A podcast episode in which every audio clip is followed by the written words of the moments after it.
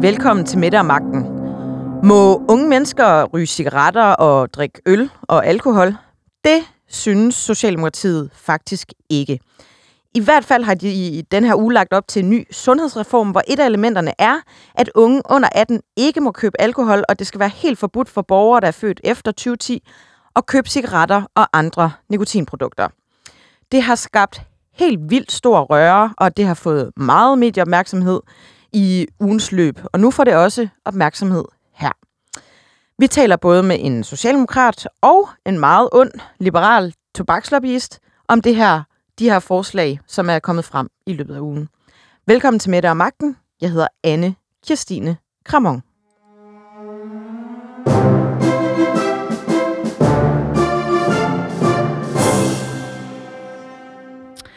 Frederik Hvad Nielsen, du er formand for DSU. Tak skal du have.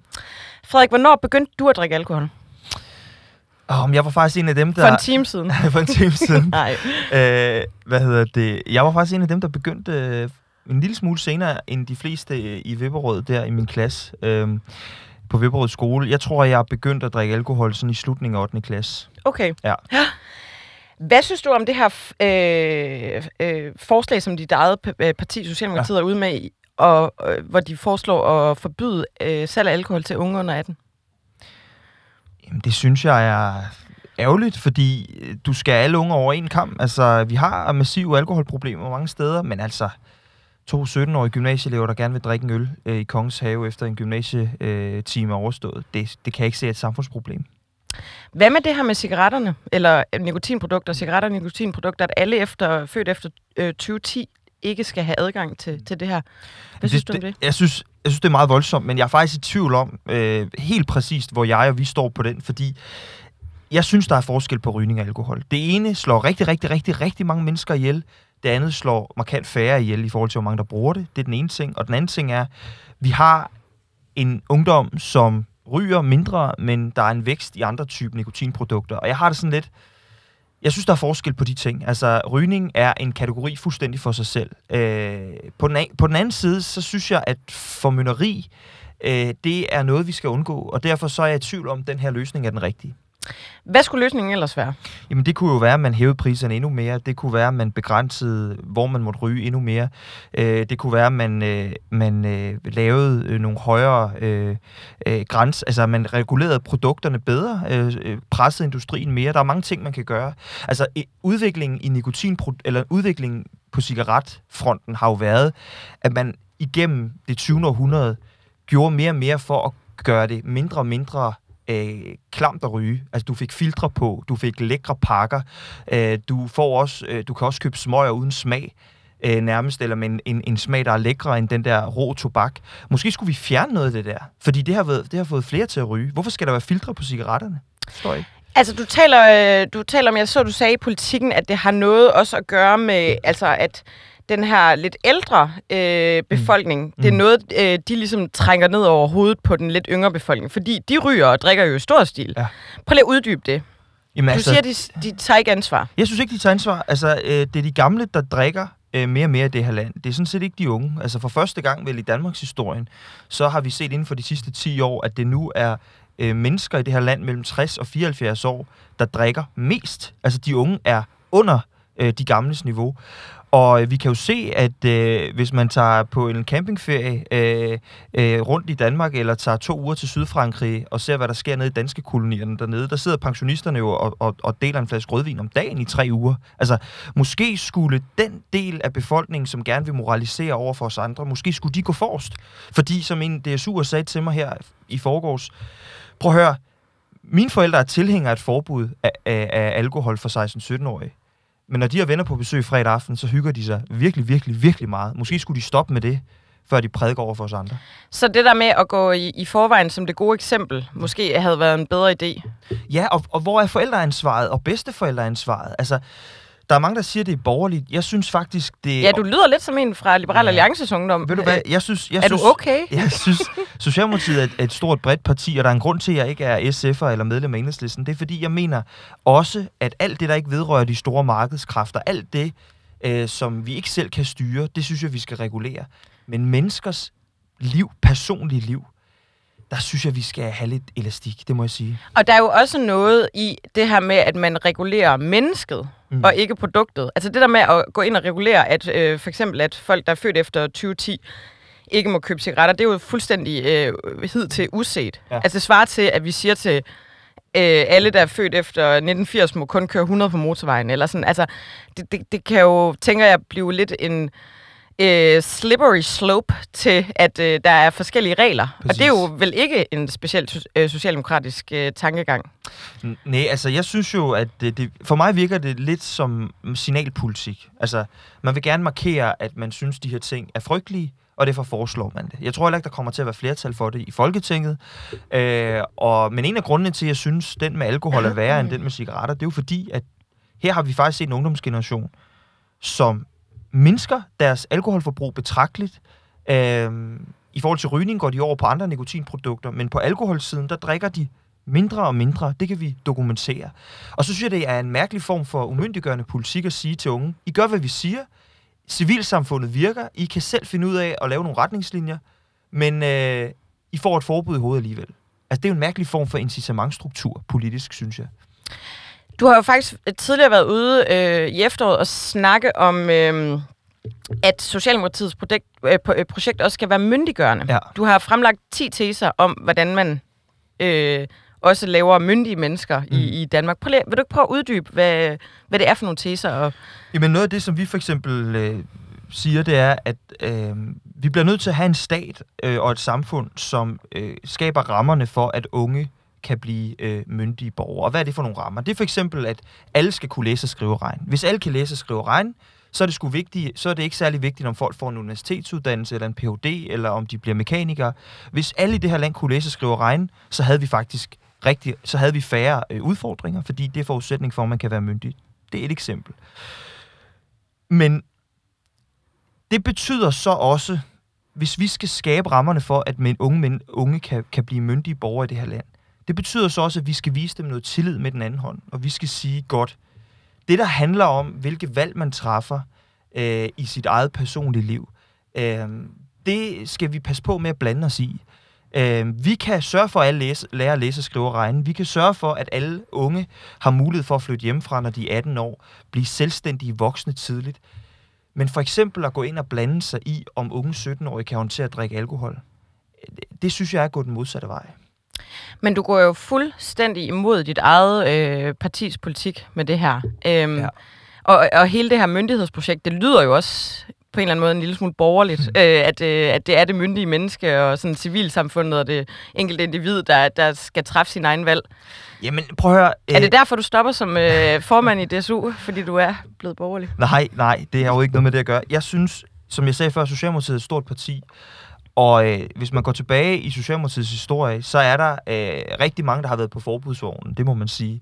Men der er også en, en strømning, som har været mere frihedsorienteret, og som har stillet spørgsmålstegn ved som har været kritisk over for noget af det, vi har bygget op i Socialdemokratiet. Altså, der var en, en økonom engang, der hed Jørgen Dick, der skrev en bog, der hedder Den herskende klasse, om hvordan den offentlige sektor skulle vi passe på med, ikke bare blev ren klientelisme, og ren, øh, øh, at dem, der arbejdede i den, det var de eneste interesser, vi skulle varetage. varetage. Så der er en tradition for at sætte, altså, at man i Socialdemokratiet også er kritisk over for det, man selv har skabt.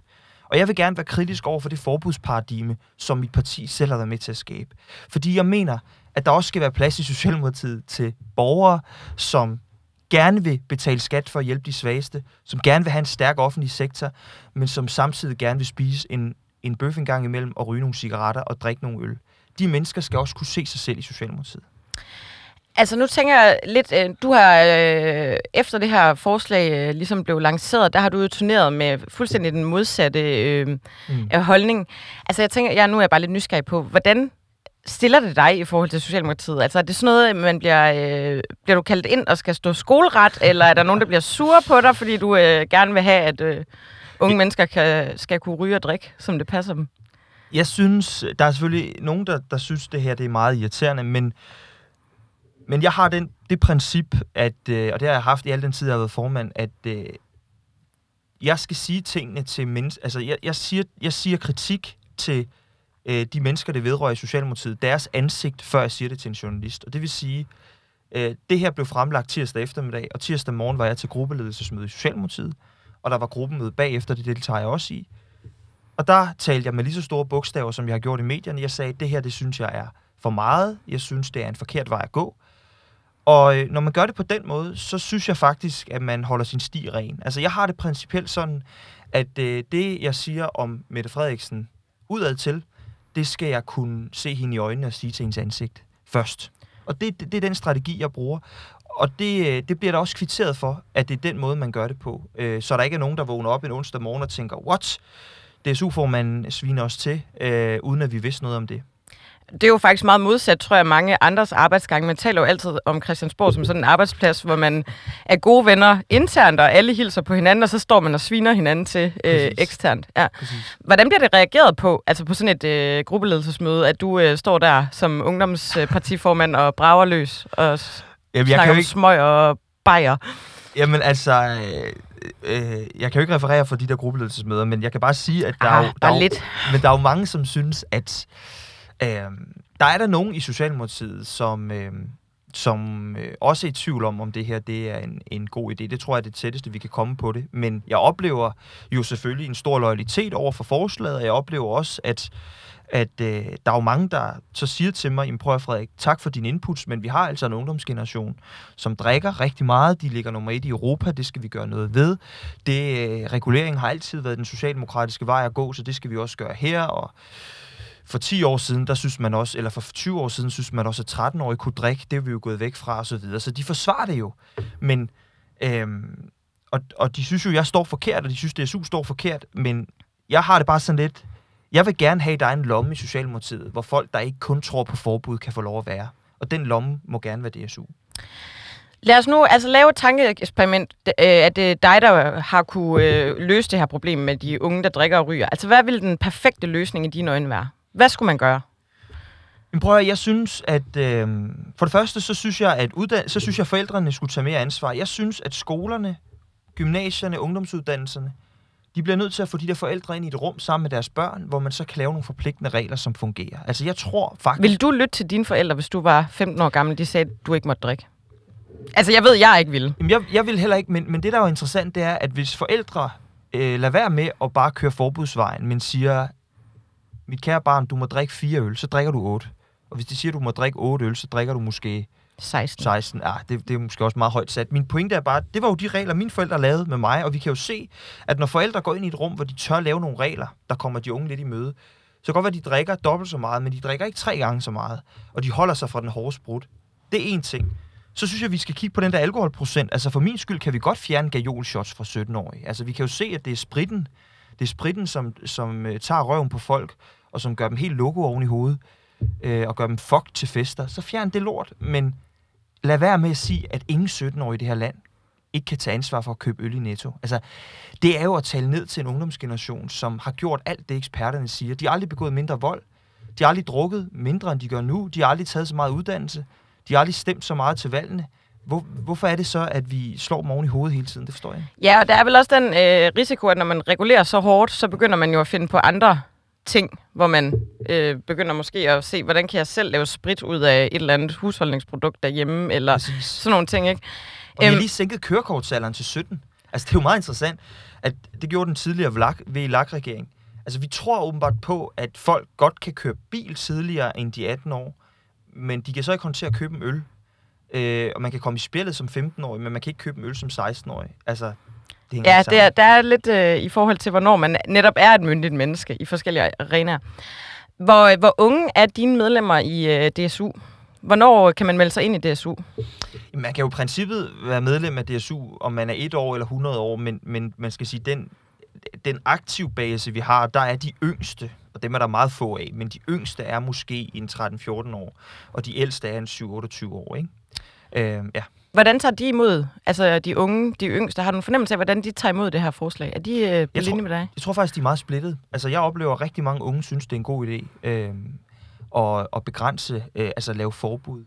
Øh, hvis man så tager en snak med dem og siger, kunne vi komme den her udvikling, kunne vi skubbe bag på den positive udvikling med andre midler, så synes jeg, det virker som om, de er villige til at gå ind i det rum. Men man skal også bare være ærlig og sige, mange af dem, der sidder i elevrådet, og øh, mange af dem, der melder sig ind i ungdomsorganisationer, er jo også nogen, som...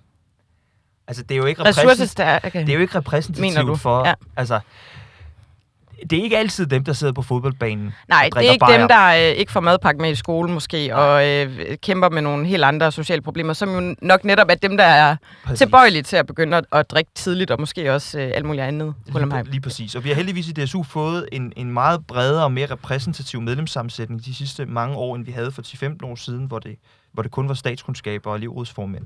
Men, øhm, men der er mange unge, som er bekymrede for drukkulturen. Det jeg bare siger, det er, at jeg synes, vi skal, gøre, vi skal komme den til livs på en anden måde, end det vi gør nu. Som kunne være netop at Jamen, ikke... det kunne være at sænke alkoholprocenten, eller, eller prøve at høre at regulere de der produkter. Alkohol i dag for de unge, det er jo efterhånden blevet sådan en sodavandsdiskotek. Der er så mange tilsætningsstoffer, og det er så sodavandficeret og lækker sommersby-emballage osv. Nu lyder du som sådan en, dengang jeg var dreng. Der Ja, drak præcis. vi det rent drak, sprit. Der, men der drak vi sgu da... Altså, øl er blevet en mindre og mindre del af unges forbrug, og til gengæld har du fået mere breeze, og du har fået mere øh, øh, sommersby, cider osv. Jeg synes... Så du siger, det er for lækkert? Det er for lækkert? Altså, det, Det er alt for lækkert. Ja. alt for lækkert, og det er alt for appellerende. Altså, hvis, hvis du kan drikke øh, alkohol, som så smager af, af rød sodavand, altså, så kan du tylle en, en 5-6 flasker i dig, øh, og så opdager, opdager du først en time efter, du er stiv. Altså, Men hvad gør vi med de her forældre her? Ja. Altså, hvad gør vi med dem? Altså, hvordan får vi den her forældregeneration, som du også øh, kritiserer, til at tage lidt mere ansvar i forhold til det? jamen, Hvad, kan- hvordan, hvordan kan vi regulere det, Frederik? Vil for helvede, men så synes jeg, at vi, vi bare skal, så bliver vi da nødt til at, at, at tvinge dem ind i et rum, hvor de skal lave nogle regler. Prøv at høre, øh, tving nogle alkoholpolitikere igennem, øh, tving dem til at tage stilling til det. Øhm, jeg synes, vi har en forældregeneration, som er meget uansvarlige, fordi de selv gerne vil være unge hele tiden. Altså, de har på en eller anden måde taget deres ungdom. Du ser mænd plus 50 i hættetrøjer, og øh, øh, øh, kvinder, som øh, jo også øh, klæder Nu lyder du igen meget borgerlig. Ja, men, Mænd med hættetrøjer, gamle Ja, mænd med hættetrøjer. men- Det kan vi, det, det Men vil jeg, heller jeg ikke har have. det bare sådan lidt, nej, vi må godt have det, men det er som om, de vil gerne forlænge deres ungdom, og de vil gerne drikke endnu mere rødvin, end deres forældre gjorde, da de var over 50, og de vil gerne feste, og de altså, øh, vil gerne tage i byen og få passet deres børn, og det er fint. Men så har de sådan et moralbegreb, de så lægger ned over deres egen poder derhjemme.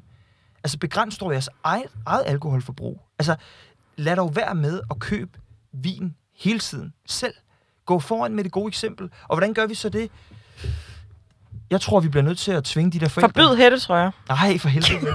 Tving de der forældre ind i et rum på deres, uddannelse, på deres børns uddannelsesinstitutioner, hvor de skal træffe nogle valg. Sig til, at få skoleinspektørerne til at sige, her har vi en alkoholpolitik. I kan komme ned tirsdag kl. 8 og være med til at præge den. Øh, og hvis ikke I kommer, så er det bare ærgerligt. Og et af de, en af de politikker kunne jo være at sige, der skal ikke foregå øh, fester i regi af den her uddannelsesinstitution, hvor der bliver drukket mere end øl.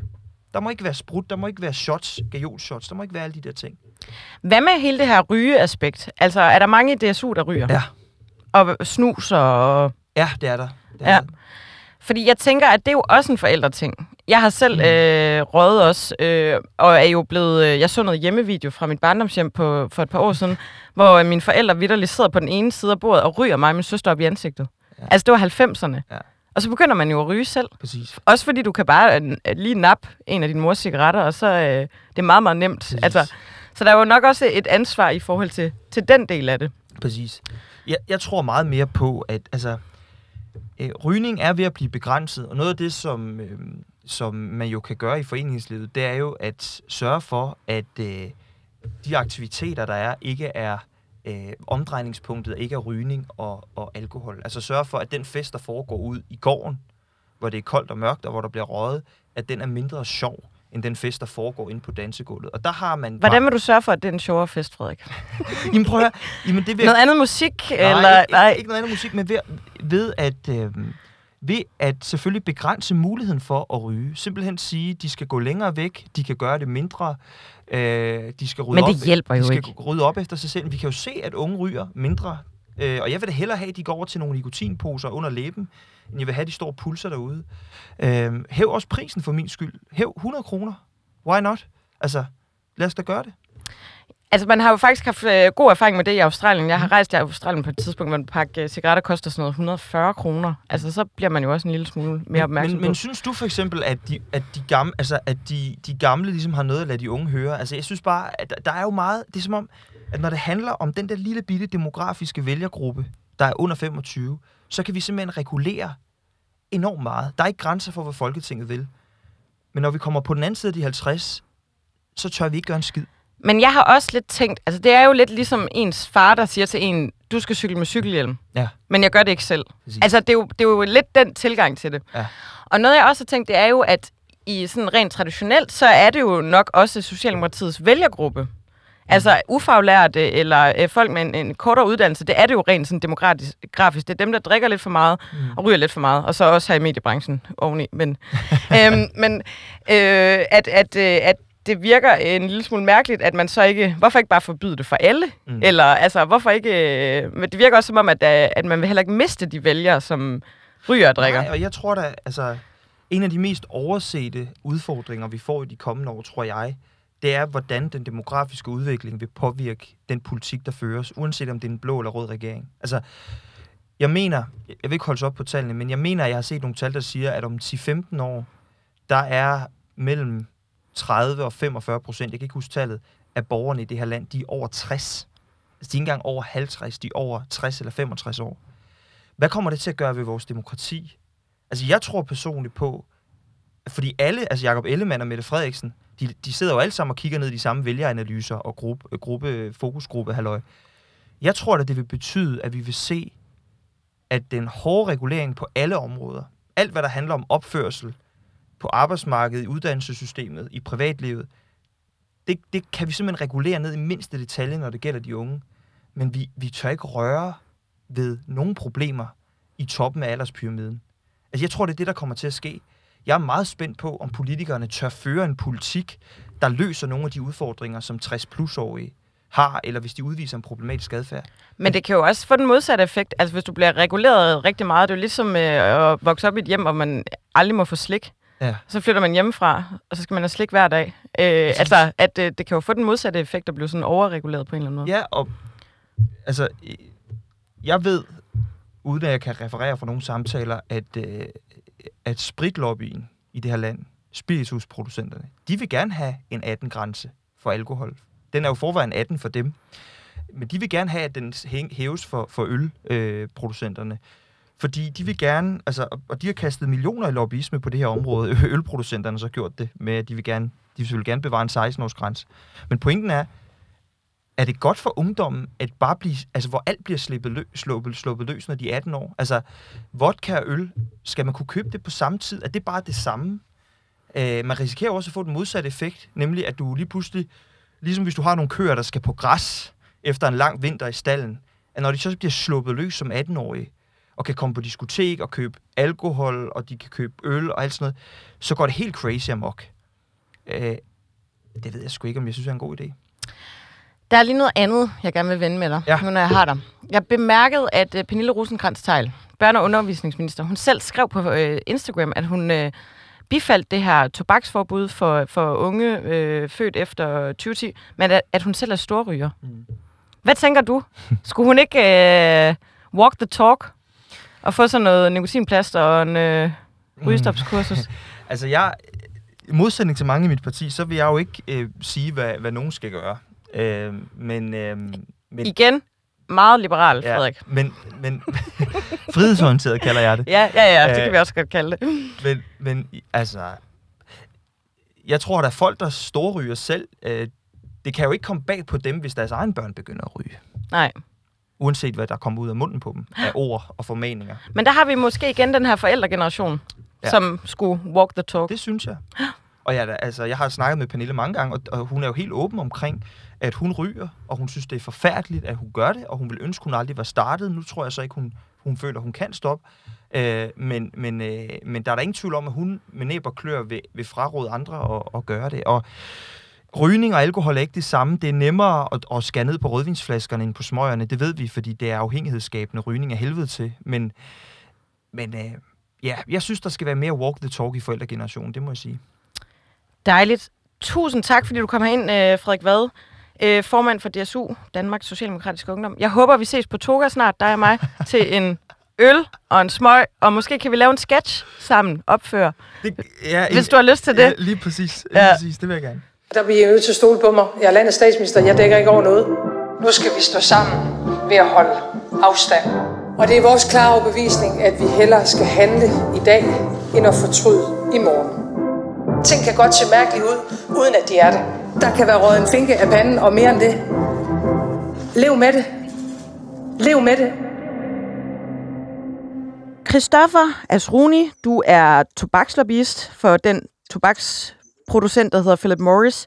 Og så har du arbejdet i øh, Venstre i mange år. Du har blandt andet været særlig rådgiver af flere omgange for for eksempel Christian Jensen, da han var udenrigs- og finansminister. Og du er med på en, øh, en telefon Ja, fra. Samsø. Så hvis man kan, lytterne kan høre lidt fuglefløjt i baggrunden, så er det ikke fugle i studiet, det er fugle på Samsø, I kan høre. Desværre kan I ikke se solen og varmen og udsigten til havet. Og Det, Det kan vi jo dejligt. drømme os til. det er dejligt at være tobakslobbyist. Jamen altså, var det skønt. Og det er jo faktisk derfor, du er med i programmet her i dag. Du er jo castet som den onde, liberale tobakslobbyist.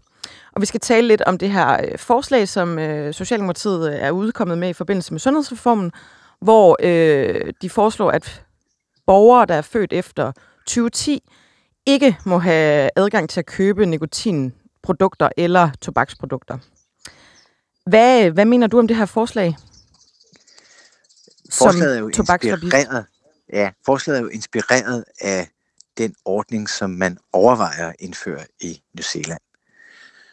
Øh, Men den er anderledes end den ordning, som øh, New Zealanderne øh, diskuterer. Prøv at, at forklare, hvad det er, man diskuterer i New Zealand. I New Zealand diskuterer man også sådan et generationsforbud, men det er et, der går på cigaretterne. Ja. Og, og den newzealandske regering har været meget hård over for cigaretter igennem tidens løb. Man har øh, pålagt kæmpe afgifter og begrænset mulighederne for salg af, af cigaretter i det hele taget. Og øh, nu tager man så øh, sandsynligvis det her skridt med et generationsforbud på salg af, af cigaretter. Og så siger man, det kan vi godt gøre, fordi der er en mulighed for, at folk, så, folk der ryger, så kan gå over til røgfri produkter, i stedet for røgfri tobaks- og nikotinprodukter. Så det vil være Det sådan er- noget snus-agtigt noget. Ja, folkeligt set kalder man det jo øh, snus. Det er nikotinposer, det, øh, men det kunne også være svensk snus, e-cigaretter, øh, opvarmet tobak, altså produkter, som ikke brænder, groft sagt. Fordi det, der er årsagen til sundhedsskaden, til lungekræft, kol og hjertekarsygdomme, det er alt overvejende afbrændingen af tobakken. Altså tobakken er jo i bund og grund en grøntsag, øh, som man så har tørret. Så det er faktisk Og, sundt. Er det, det ligesom at spise salat? Næsten. der er ingen af de her produkter, der er sunde overhovedet. Jeg prøver bare at forklare, hvor det er, nikotinen kommer fra. Øh, Der er nikotin i rigtig mange planter. Der er nikotin i tobaksplanten. Der er også nikotin i auberginer og, og kartofler. Øh, men der er jo ingen, der er så øh, åndssvag, at de vil øh, tørre en aubergine og hakke den, og så tænde ild til den. Det, det skulle man nok også blive temmelig syg af. Oven i købet, og så få mindre nikotin af det. Men, men altså, ja, nikotin er jo et, et stof, der findes naturligt i planter, fordi det er en måde for planten at forsvare sig mod øh, skadedyr. Og der er så nogle planter, der har mere nikotin i end andre. Og det man kan gøre, det er, at man kan få nikotinen ud af, af planten ved at jamen, sådan, tykke på det, sutte på det, varme det osv. Og så kan man også gå hele vejen og brænde det. Øh, Det er det, man gør i cigaretter. Og når man brænder ting, så skaber forbrændingen i sig selv en masse skadelige stoffer. Det er ikke anderledes, end hvis man øh, brænder sin sofa ind under den, så bliver man også meget syg af det. Så, så, så derfor så er det sådan, man, man er nødt til sådan lige at, at, at kende øh, billedet af de forskellige produkter for at, at, at forstå, hvilke sundhedsskadevirkninger der er ved dem. Ikke? Og New Zealanderne, de siger, vi går efter at øh, begrænse de produkter, der brænder. Altså cigaretterne. Ikke? Så de har ikke nikotinproduktdelen med. Nej, det har de ikke. Uh, Jacinda Ardern, som er socialdemokratisk premierminister på New Zealand, hun er faktisk meget eksplicit ude i medierne og sige, vi kan gøre det her, fordi rygerne bare kan gå over på uh, røgfri produkter. Som Hvilken generation øh, sætter man ligesom grænsen ved her? Som jeg husker det, er det 2008-generationen. Og det er simpelthen jeg, det... jeg, er lidt, øh, jeg, er lidt, jeg er lidt i tvivl om det. Jeg tror, det er 2008. Man gør også andre ting. Man siger for eksempel, øh, samtidig med, at der skal være et generationsforbud på, øh, på cigaretter, så siger man, de cigaretter, der sælges i New Zealand, skal rumme 90% mindre nikotin. Sådan så en ryger, der tager en, øh, skal en ryge smøg, meget mere. ja, eller sige, det gider jeg sørge mig ikke det her, så vil jeg hellere gå over på et af de røgfrie produkter, hvor jeg kan få mere nikotin. Så det er sådan en måde at nudge folk væk fra cigaretter. Og der kan man sige, man, man kan mene alt muligt uh, principielt om uh, frihed og så videre i den her forbindelse, men i det mindste har New Zealanderne en gennemtænkt strategi bag det, de gør. De har overvejet meget grundigt, hvordan de skal påvirke forbrugerne. Og det er ikke mit indtryk, at øh, den danske regering har gjort det. Altså det virker som et, et uigennemtænkt forslag. Man Hvad er de man har uigennemtænkt lanceret. øh, dele af det her forslag? Det er jo lige præcis, at man, øh, udover at man, øh, øh, man, øh, man ikke øh, lærer sig op af det newzealandske, så i det hele taget slet ikke tænker i, hvor svært det er for folk at kvitte rygning. Altså, det er svært. Og det bedste vil selvfølgelig være at holde helt op med at bruge alle former for tobaks- og nikotinprodukter. Der er ingen af dem, der er, er sundhedsprodukter. Men, men når man så kigger på produkterne, så kan man jo konstatere, at de rigtig, rigtig skadelige produkter, det er de produkter, man brænder. Og der bør man nogle gange sige, vi kan måske ikke opnå det perfekte, men vi kan opnå en skadesreduktion eller noget, noget mindre skadeligt.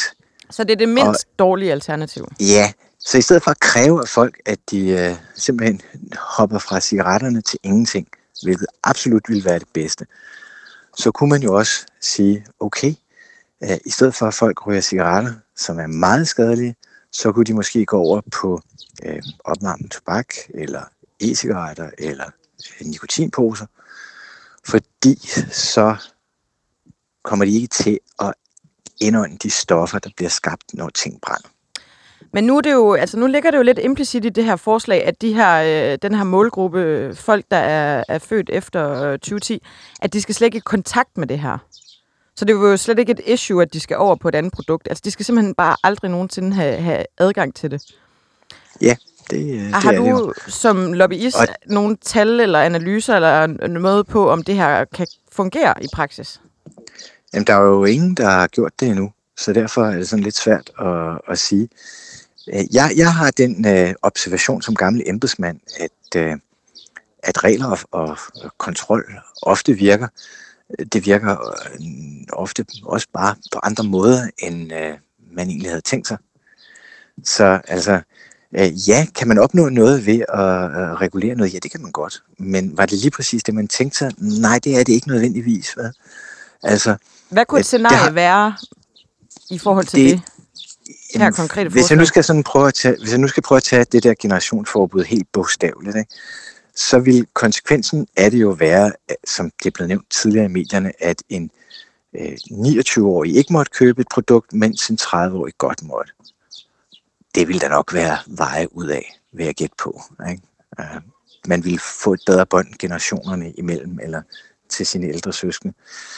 Så er der, så er der et, det problem, at når man gør det ulovligt at, øh, at købe noget, som ellers er meget let tilgængeligt, enten fra udlandet eller per postordre eller, eller lignende, jamen så, så kommer der et, et sort marked af det. Og det er bare sådan, det er. Øh, Danmark er jo ikke nogen øer i Stillehavet, ligesom New Zealand er det. Vi ligger i et område med mange grænser. Så det vil kræve, altså hvis man virkelig vil forbyde noget, en bestemt øh, adfærd i et land som Danmark, så vil det kræve en meget hård håndhævelse af det. Og det vi kan se allerede i dag, det er, at der er et forbud mod at sælge tobak og nikotinprodukter til personer under 18 år. Og det er et godt, det er et godt forbud. Men alligevel så viser en nylig undersøgelse, at en rigtig stor andel af de, øh, de unge alligevel er i stand til at købe det. Og selvom der er et forbud mod, at de kan se det i butikkerne, så siger en rigtig stor andel af de unge, at de faktisk har set produkterne stående frem i butikkerne. Så et eller andet sted, så er der jo et problem allerede i dag med den eksisterende øh, regulering. Og der er det lidt pudsigt med politikere, i stedet for at koncentrere sig om at få håndhævet den regulering, de allerede har gennemført, så er de lige pludselig i gang med at tale om endnu mere regulering, endnu mere besværlig regulering, uden at tænke over, om den kan håndhæves. Ikke? Kan der være sådan en effekt, øh, hvor at øh, fordi det bliver forbudt, så bliver det måske mere interessant?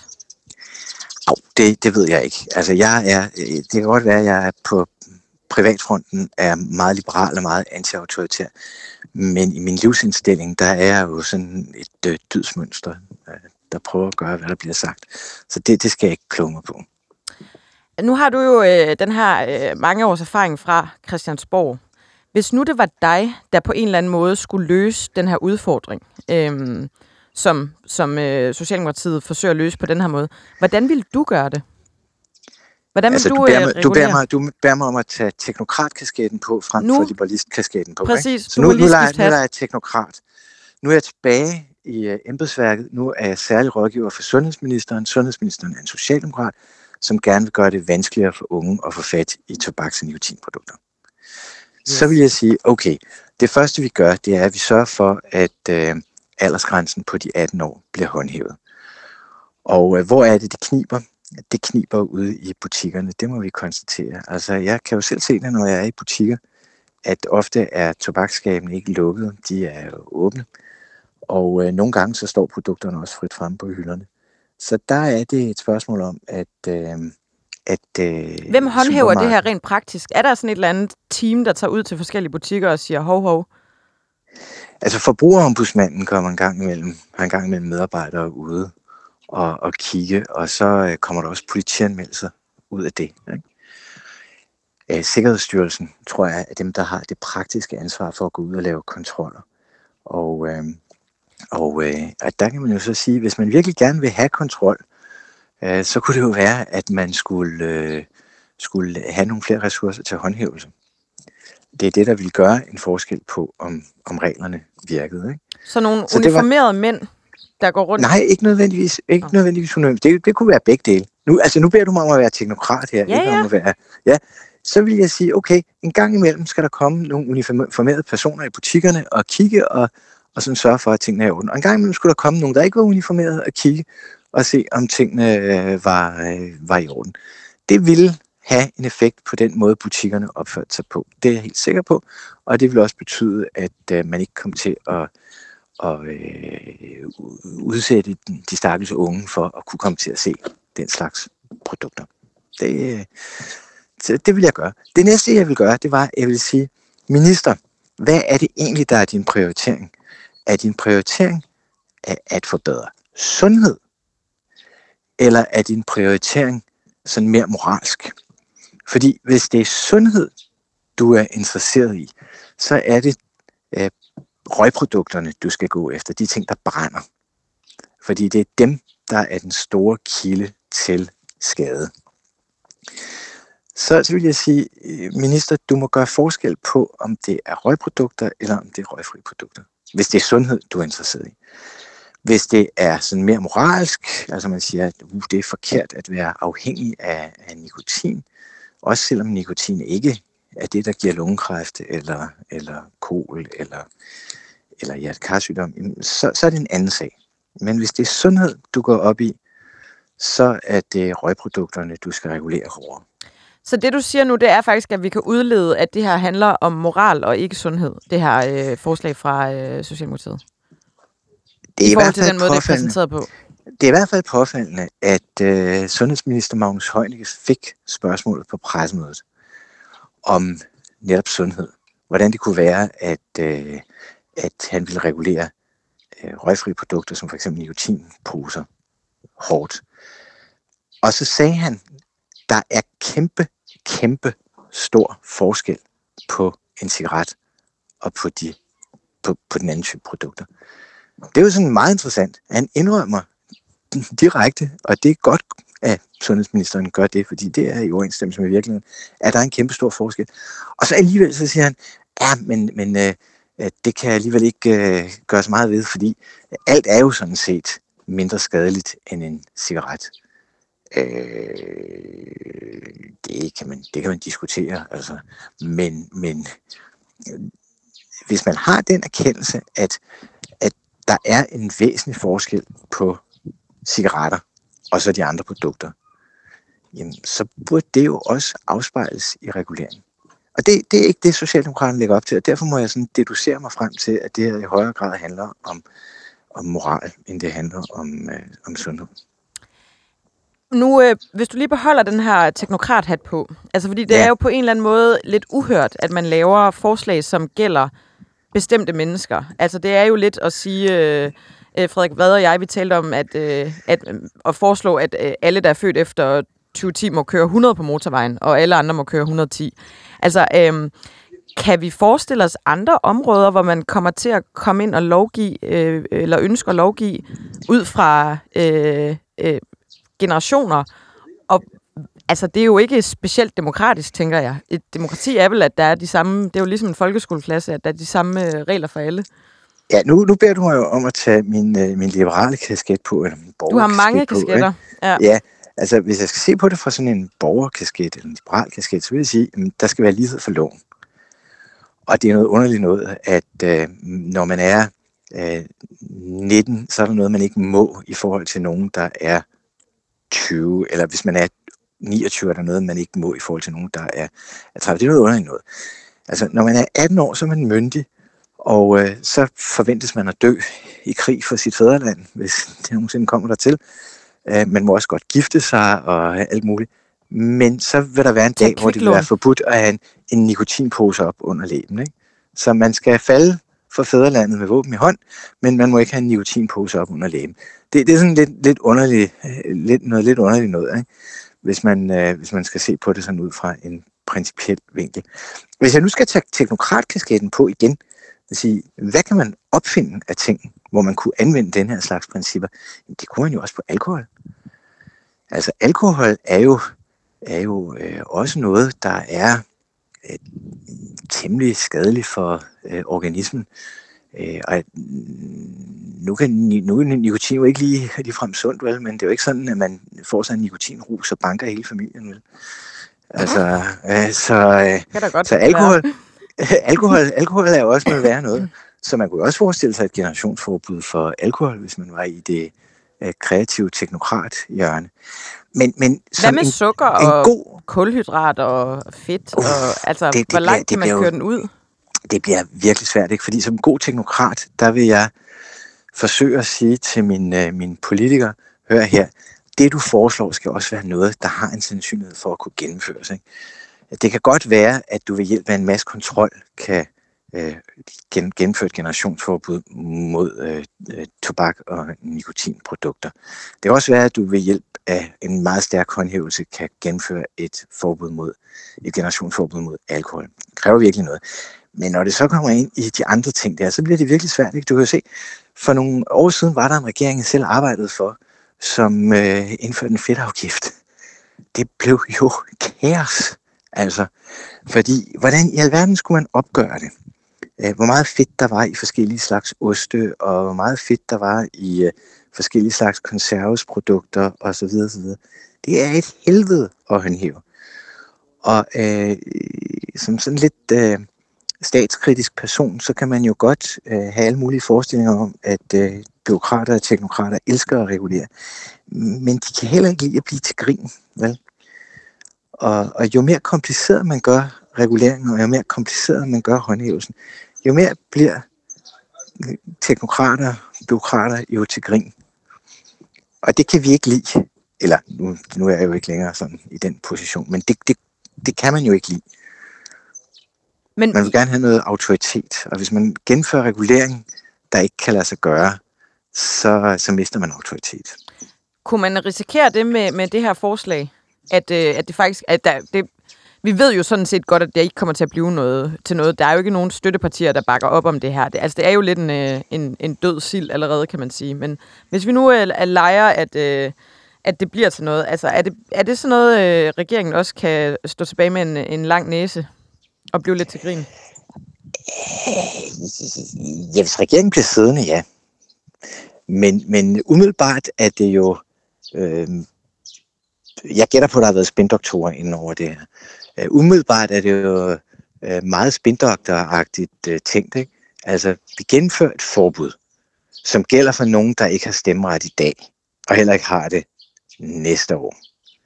Øh, og øh, så gør vi det på en måde, hvor det heller ikke er noget, der er i kraft næste gang, vi har et folketingsvalg.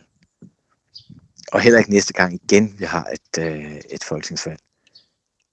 For, så, så, det vil sige, så det vil sige, lige nu og her påvirker det jo ikke nogen smart.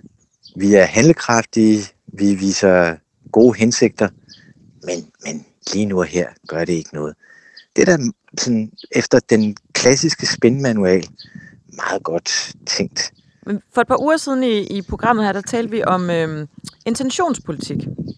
Det ja. her med at lave en stor og bombastisk øh, udmelding, og som det jo øh, må siges og har været, vi har jo ikke talt om andet øh, hele ugen end, end det her ja. forslag, og der er jo rigtig mange elementer ja. i sundhedsreformen, som vi slet ikke taler om. Ja. Øh, øh, kan man kalde det her intentionspolitik? Ja, det er det. Det skriver regeringen sådan set også lige ud i sit øh, udspil. Man bruger ikke begrebet intentionspolitik, men, øh, men i udspillet står der, at det er regeringens øh, målsætning, hensigt, at øh, generationen født øh, efter 2010 skal være nikotinfri. Så det er en målsætning, man stiller op.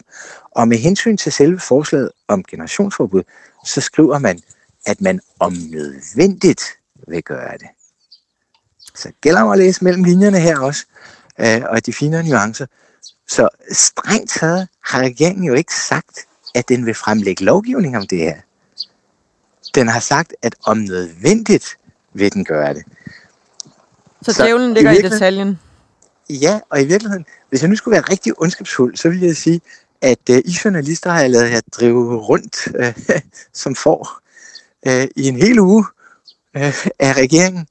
Uh, Kunne du ikke have sagt det her, da på, vi startede, Christoffer Asroni? Ja, ja, jeg beklager. Jeg beklager. Ja. Jeg synes at det er meget morsomt. Ja. Og, og et eller andet sted, så har jeg da fuld respekt for de mennesker, der har iværksat det her show. De er, de er, uh, så de sidder bare og griner håndligt? Inde på... Nej, det tror, jeg, det tror jeg ikke, de gør. Jeg tror, at øh, i starten synes de, de var meget smarte, men nu tror jeg, at de synes måske, de er lidt mindre smarte, fordi, fordi øh, det er jo ikke noget, der, øh, der, øh, øh, der kommer til at materialisere sig, vel? og det, det er blevet meget hurtigt tydeligt, at det ikke er noget, der kommer til at materialisere sig. Hvis du nu lige tager din øh, lobbyist-hat på igen, ja lad os nu sige, at det kommer til at materialisere sig. Hvad vil det betyde for jeres forretning? Altså, umiddelbart vil det gøre vores forretning mere kompliceret. Øh, som sådan vil det, øh, det vil jo ikke ændre på, at øh, vi stadigvæk vil sælge med alle slags produkter. Vi er en virksomhed, som sælger både cigaretter, vi sælger Marlboro, Skjold og Chesterfield, vi sælger opvarmet tobak, det hedder Heats og Icos. Så sælger vi nikotinposer, det hedder Shiro. Så vi sælger alle mulige typer produkter. Og vi vil gerne, altså vores strategi som virksomhed, det er at komme væk fra cigaretterne. Fordi vi anerkender, at cigaretterne er meget sundhedsskadelige.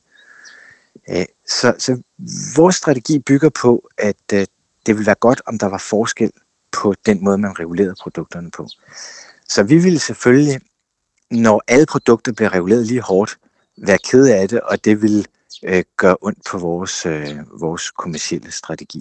Men bortset fra det, så vil vi jo blive ved med at gøre, hvad vi, øh, vi ellers gør, fordi sådan, sådan er, er vi jo anlagt. Vi vil gerne tjene vores penge på røgfri produkter, så dem vil vi fortsat bruge kræfter på at forske i og, og, øh, og lave på en, øh, en måde, hvor de kunne være mere appellerende for rygere end, øh, end, øh, end cigaretterne. Ikke? Så det, så. du siger, det er, at I ville skulle køre i nogle lidt mindre Mercedes'er, øh, hvis og så fremt, at det her blev indført? Altså, vi skulle, vi skulle nok, vi skulle nok øh, i Danmark vil vores forretning nok blive mere påvirket af det, end det vil blive i udlandet. Det kunne jo være, at vores øh, kolleger inden for samme koncern øh, vil sælge rigtig mange produkter, især ved grænsen. Øh, så, så, så Philip Morris så i Danmark vil, vil måske... rykke et andet sted hen? Philip Morris i Tyskland, uh, især i det nordlige Tyskland, og Philip Morris i Sverige, især i det sydlige Sverige, vil nok have det nemmere end Philip Morris i Danmark. Ikke? Så. Lige her til, til sidst, helt kort. Ja. Findes der cigaretter og nikotinprodukter om 50 år? Altså, det er lidt... svare på det, så holder jeg dig op på ja, det om 50 ja. år. Øh, Ja, det tror jeg, der gør. Lidt ligesom der findes øh, hestevogne øh, i dag, selvom ingen rigtig for alvor kører i den, så tror jeg også, der vil være cigaretter og cigarer, røgprodukter om, øh, om 50 år. Det vil bare, det vil bare være meget få, der bruger dem, og ved meget få lejligheder, fordi i bund og grund, alt det, der brænder, det er sådan nogle, øh, nu bruger jeg et lidt hårdt ord, et, et, et inferiørt produkt. Hvorfor, hvorfor skulle man sætte sit helbred sådan på spil, når man kan få sin nikotin og sin tobakssmag øh, uden at brænde tingene? Så derfor tror jeg, jeg tror stadigvæk, der vil være brug af nikotin om 50 år. Det, det, det tror jeg. Vi må, men, øh... men cigaretter, det er øh, ikke i noget nævneværdigt øh, omfang i, øh, i, øh, i højt udviklede lande. Altså ligesom igen, der er ikke øh, så mange hestevogne tilbage. Folk bevæger sig på anden måde. I fremtiden vil der nok også være mm, andet end fossile biler. Og det er ikke nødvendigvis, fordi politikerne har reguleret sig frem til det, men fordi brugerne har fundet ud af, at det er smartere, og der er kommet nogle teknologiske muligheder, der er, er bedre. Ikke? Det er mit gæt. Vi må øh, stikke koderne sammen om, øh, om 50 år, og så se, hvordan øh, landet ligger. Det gør vi. Over et stykke chokolade, eller noget, der ikke sådan er decideret... Ikke farligt for os. Ja. ja. Christoffer Asruni, ond, liberal og tobakslobbyist. Tusind tak, fordi du vil være med i Mette og Magten. Tak lige måde.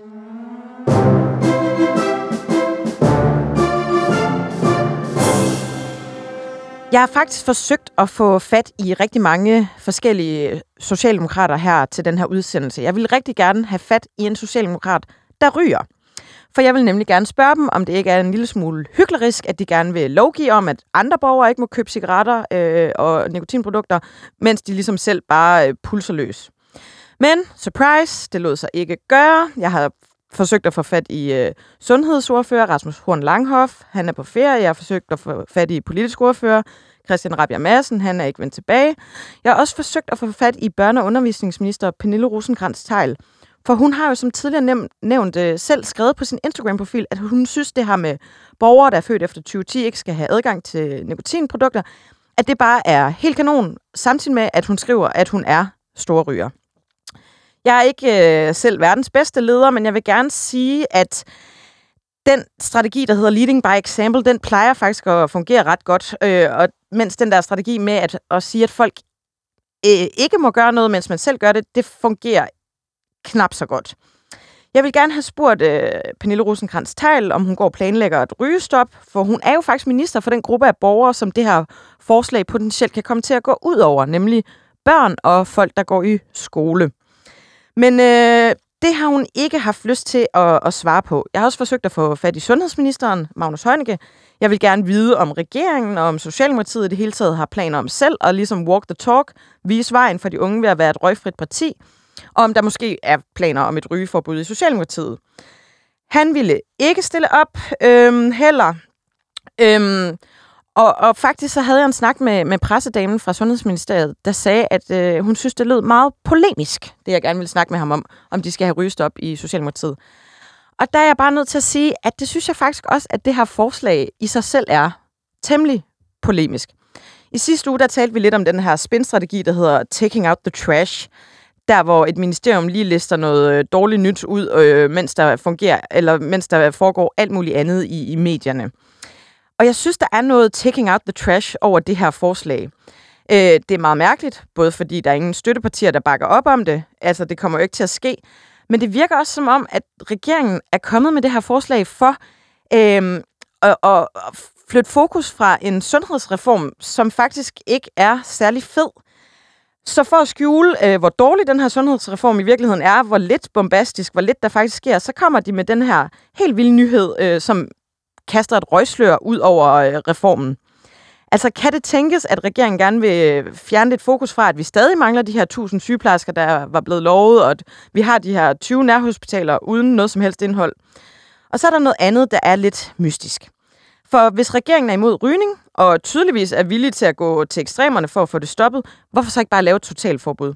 Kan det være, fordi der er en højere andel af ryger inden for den målgruppe, der hedder ufaglærte og folk med, med en erhvervsfaglig uddannelse? For hvad stemmer den gruppe traditionelt? De stemmer nok ikke Liberal Alliance. Det er jo nok den slags folk, der stemmer Socialdemokratiet. Og de ryger altså mere end alle andre.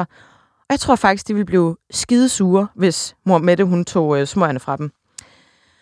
Ugens Astrid, det er øh, den selverklærede, storrygende børne- og undervisningsminister Pernille rosenkrantz teil Altså det her, det svarer jo til at, at ændre hastighedsgrænsen på motorvejen, hvor efter øh, trafikministeren går ud og skriver et opslag om, at øh, vedkommende faktisk godt kan lide at være vanvidsbilist selv og køre gaderæs. Så tillykke til rosenkrantz teil og tak, fordi du lyttede til Middag og Magten. I teknikken der sad Jonas Forlager, og jeg hedder Anne Kirstine Kramon.